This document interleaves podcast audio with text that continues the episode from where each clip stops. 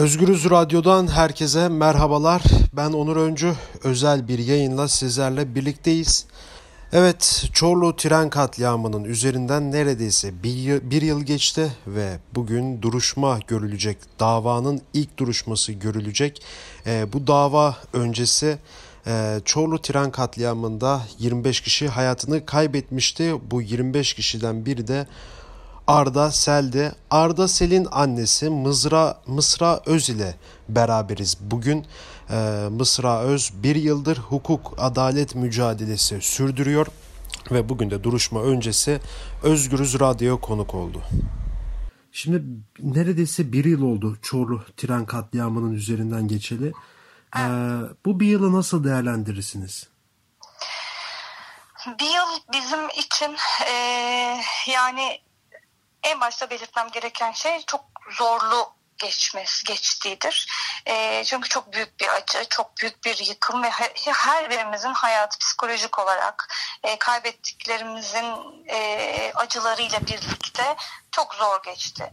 E, ama bu duygusal olarak yaşadığımız travmaların, e, geçirmiş olduğumuz psikolojik e, zor günlerimizin yanında e, oldukça da e, yalnız geçti. Adalet tarafında da çok büyük hayal kırıklığıyla geçti. Her birimiz için çok büyük hayal kırıklığıyla geçti. Evet. E peki bu adalet kısmını söylediniz, hayal kırıklığıyla geçti diye. Yani hı hı. bunu yani bir yıl önceye gidelim. Yani hukuk hı hı. sistemini böyle biliyor muydunuz yoksa bu süreci içten yaşayarak da mı gördünüz? Gerekirse içten e, tabii ki işin içine girince daha net anlaşılıyor bazı şeyler. e, evet hukuk sisteminde eksiklikler olduğunu tabii ki bu ülkede yaşayan vatandaş olarak e, bir insan olarak e, adaletsizliğin nerelerde tecelli ettiğini gözlemliyorduk ve duyuyorduk. E, ama Çorlu katliamının çok acımasız bir tarafı var e, bizim açımızdan evet. ve toplum açısından baktığımızda. O da e, bu katliamın aslında e, tamamen ihmallerden olduğuna yönelik olan e, deliller ortada. Yani bu e, menfezin o halini görüp de bir bilir kişinin çıkıp e, menfez sorunsuz, kusursuz bir menfezdir diye açıklama yapması, daha iddiana e, raporunu yani bilirkişi raporunu hazırlamadan böyle bir açıklama yapması zaten çok büyük talihsizliktir ki bunu benim yüzüme savcı, davanın savcısı evet. da söyledi. Öyle söyleyeyim size. E, onun haricinde e, dediğim gibi burada çok büyük bir acımasızlık var. Yani daha sonra olayların detayını incelediğimiz zaman e, sanıkların vermiş olduğu ifadelerde de çıkan raporlarda şu yazıyor. E, bu menfezin bu halinin e, sorun çıkartabileceği bütün e, bakım zamanında e, raporlanılmış ve devlet demir yollarına bildirilmiş. Hı hı. O, ama onarımı yapılmamış. Onarımının yapılmamasının sebebi de bu hep e, ihaleler ya da işte e, sunulan projelerin reddedilmesi her bir raporda yazılı ödenek olmadığı için denilmiş. Şimdi 145 yıllık bir ray hattından evet, bahsediyoruz. Evet. Ve bu hattın e, çok uzun bir zamandır işlemediğini, çalışmadığını ve daha sonrasında o hat üzerinden hızlandırılmış tren geçirildiğini e, çıkartıyorlar ortaya ve bunu 1 Mayıs'ta yapıyorlar. 1 Mayıs 2018'de yani seçimlerden önce biz evet. e, hızlandırılmış tren getirdik diyorlar. E, ama oraylara hiçbir bakım yapmıyorlar. Oraylar sadece bir buçuk ay e, üzerinden geçen yük trenlerine ve yolcu trenlerini taşıyabiliyor ve bu katliam yaşanıyor. Sen bir e, devletin bir kurumu olarak bakım yapmazsan, onarımını yapmazsan, orayları e, hızlandırılmış trenin sistemine göre ayarlamazsan e, bu facia zaten göz göre göre geliyorum diyecektir ve dedi de ne yazık ki. Yani evet ne yazık ki öyle sizin de belirttiğiniz gibi göz göre göre gelmiş olan bir e, ben katliam demek istiyorum artık da Kesinlikle, öyle çünkü evet. katliam diyoruz. Yani kaza da değil evet yani, evet. Katliam. Kaza da değil, facia da değil. Evet. Peki yani siz bu süre içerisinde yani Çorlu tren katliamında yani bir şekilde evladını, yakınını, ailesini kaybetmiş insanlarla birliktesiniz. Yani Türkiye'de uzun yıllardır zaten işte Soma maden katliamı yaşandı. Ee, buna benzer işte Ermenek'te olaylar yaşandı. Bir sürü bir şey oldu ama şimdi Çorlu biraz da yani Çorlu'daki aileler gerçekten kararlı yani. O diğerlerinin şey olsun diye söylemiyorum ama yani görünen bir şey var. Yani siz bayağı kararlısınız. Bu süre içerisinde Evet. oturma eylemleri yapıldı. Ad- adalet nöbetleri tutuldu. Yani Ankara'da müdahale edildi size. Biraz da bu evet. hukuk mücadelesinden biraz bahsedebilir misiniz? Yani siz neler yaptınız? Neden size müdahale ediliyor? Ya polis neden size müdahale etti? Ee, şöyle bir şey var. Bu olayın e, olduğu günden beri aslında e, üstünün kapatılarak sessiz sedasız yürütülmek istenilen bir süreci var.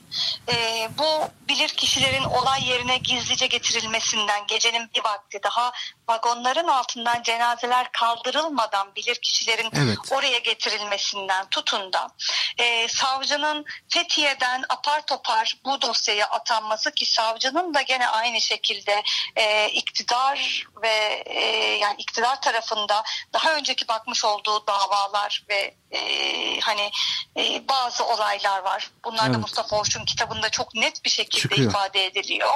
E, ve onun haricinde iddianamenin oluşturulmasında e, sadece dört kişinin üzerine yıkılan bir olay var. Şimdi biz orada işi sadece hukuk kısmında e, dilekçeler ve kağıtlar üzerine bırakmadık. Biz dedik ki evet hukuksal anlamda avukatlarımız zaten gereğini yapacak, dilekçeleri verecekler. Ama bu acı bizim acımız. Bu insanlar bizim kaybettiğimiz evlatlarımız, annemiz, babamız, kardeşimiz. Ve biz bu acıyı yaşıyoruz. Bu dilekçelerin arkasında biz varız. Bizi görecekler dedik ve adalet nöbetimizi öyle başlattık. E, takipsizlik kararına itirazımız vardı. Takipsizlik kararına itirazımızla birlikte dedik ki biz dilekçelerin arkasında duracağız. Ama ne yazık ki takipsizlik kararına itirazımız reddedildi. E, ve dediler ki bize dosyada e, tefrik kararı aldık. Bu da ne demek? Bu dört kişinin davası sürecek ama aynı zamanda dosyayı ayırıyoruz. Birinci bölge müdürlüğü yetkilileri e, araştırılıyor dediler. Ama e, bunu duyan tüm hukukçularımız şunu söylüyor. Birinci bölge müdürlüğü e, yetkilileri kim? Kimdir? Yani Evet. sen dosyanın içinde diyorsun ki e, siyasiler, bürokratlar ve devlet demiryolları üst yönetimini ayırıyorum diyorsun. Sonra diyorsun ki birinci bölge müdürlüğü yetkilileri araştırılıyor diyorsun. Yani bu dört kişi yetmedi. Biz bu birinci bölge müdürlüğünden de birkaç kişiyi gözden çıkartalım demek demeye getiriyorlar. İşin özü bu. Biz Anayasa Mahkemesi'ne gittiğimizde de biz aynı kararlılıkla gittik. Ee, Anayasa Mahkemesi'nin önündeki olay tamamen Çorlu katliamından ziyade e, Türk toplumuna uygulanan baskıyla alakalı bir şeydir. Ben orada anayasal hakkımı kullanıyorum. Evet. Ben orada yasal hakkımı kullanıyorum ve diyorum ki ben Anayasa Mahkemesi'nin kapısından içeri gireceksem ve bir başvuru yapacaksam ben burada açıklamamı yapıp öyle girmek istiyorum diyorlar.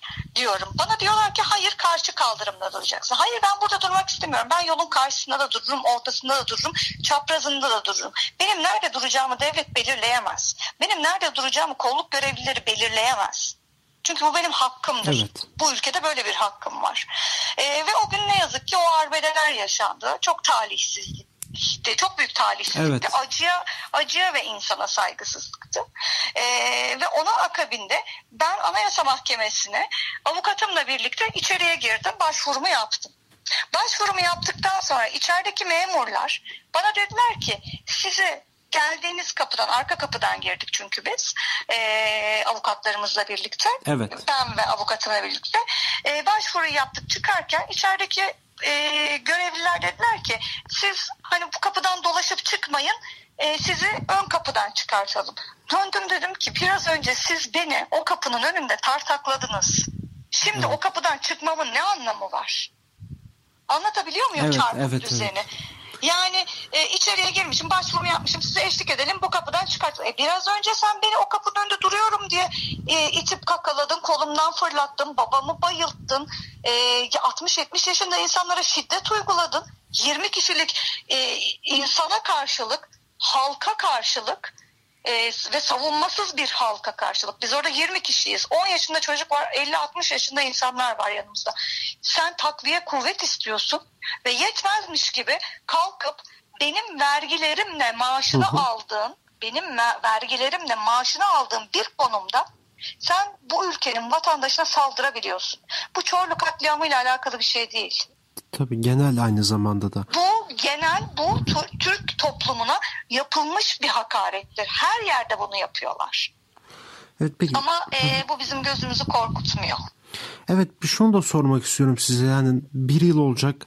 Ee, bu süre içerisinde yani teknik olarak sorumlular ortaya çıktı ama tabii ki de yani her Türkiye'deki her birçok olayda hep böyle bir öne mutlaka yani illaki sorumluluğu olan insanlar ama böyle 3-4 kişi çıkarılıyor ama genelde bu işlerin böyle arkası çözülmüyor. Yani işte Soma'da da böyleydi. Ermenek'te de böyleydi. İkisinden örnek verdim. Oradan gidelim. Yani Soma'da mesela sadece patron suçlu değildi. Evet. Yani ona onay veren Enerji ve Tabi Kaynaklar Bakanı vardı oranın Tabii. açılışını yapan. Yani genelde bu işin bu tarz cinayetlerin, katliamların böyle siyasi boyutu hiç tartışılmıyor. Siz de siyasi boyutunun açılmasını istiyorsunuz haklınız Evet. olarak. Peki Evet. bu ilk e, olaylarda ilk gerçekleştiği zaman yani kötü haberler geldiği zaman yani devlet size ulaştı mı? Ne dedi ulaştıysa biraz bunlardan da bahsedebilir misiniz? Devlet bana hiçbir şekilde ulaşmadı. Oğuz Arda Sel'in annesi Mısra Öz'e devlet hiçbir şekilde ulaşmadı. Sadece benim toru, e, oğlumun Oğuz Arda Sel'in dedesi aynı zamanda Hakan Sel'in yani babasının Evet. e, babası olan Necmettin Sel'e Cumhurbaşkanımız e, telefon açmış.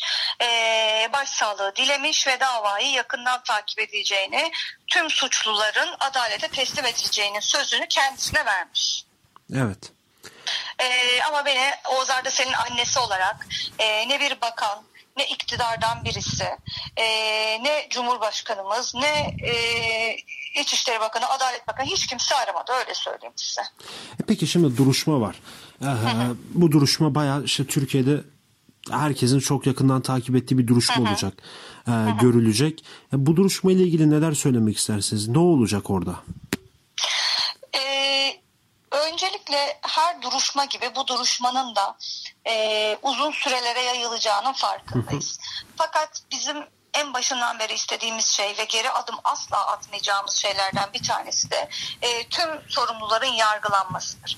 Bu belki bugün olmayacaktır ama bu devran, bu dönem elbet değişecektir ve o o insanlar hayatta baki kaldığı müddetçe e, bu dava bir gün tekrar görülecektir. Ama davanın asıl bugününe geldiğimiz zaman şunu söylemek istiyorum ben. E, davanın yapılacağı duruşma salonu Evet. 130 kişilik bir duruşma salonu. Ufak. Ee, ve evet ufak ve biz orada aileler olarak zaten 300 se- 340 kişinin yaralandığı bir dav duruşmayı düşünün, katliamı düşünün. 25 kişi vefat etmiş aileleri ve aynı zamanda avukatlarını düşünün. Zaten o salona Ya sığınması tabii basın mensupları da var yani. Evet basın mensupları da var ve bize desteğe gelen e, kamuoyu İnsanlar da da var. var. Şimdi buna baktığımız zaman e, biz bununla ilgili dilekçe verdik. Baro başkanları talebimizi dile getirmek için e, adliyeye gittiler. Aynı zamanda avukatlarımız da gitti. Biz üç e, yasal yolu da deneyerek e, duruşma salonunun büyük olması yönünde bir talepte bulunduk. Ama ısrarla böyle bir salon belirlediler. E, fiz, öncelikle bu davanın seyrinde yürüyebilmesi için bize gerekli fiziki ortam sağlanmadığı müddetçe bu duruşma görülemeyecektir. Yani büyük ihtimal şey davada duruşmada da salon değişikliği istenecek en azından. Talep edeceğiz. İlk Talep başta edilecek. bizim talebimiz bu. Evet. Çünkü davanın seyrinde yürüyebilmesi ve adil bir şekilde yürüyebilmesi için şu kısım çok önemli. Ben kaybettiğim oğlumun annesi olarak ve ailemdeki diğer kişiler olarak sanıkları hepimiz dinlemek isteyeceğiz. Yaralıları hepimiz dinlemek isteyeceğiz. Ya da yaralılar kaybedilen kişilerin ailelerini mutlaka dinlemek isteyecekler. Bu hakkı benim elimden kimse alamaz. Evet doğru diyorsunuz. Peki e, bu duruşmaların sonunda inanıyor musunuz adalet tecelli edecek mi sizce? Ee, bir gün edecek evet. Bir gün edecek. Peki çok teşekkür ederim programımıza katıldığınız için. Ben teşekkür ederim. Çok sağ olun. Siz sağ olun. Görüşmek üzere iyi akşamlar. Görüşmek üzere iyi akşamlar. Görüşmek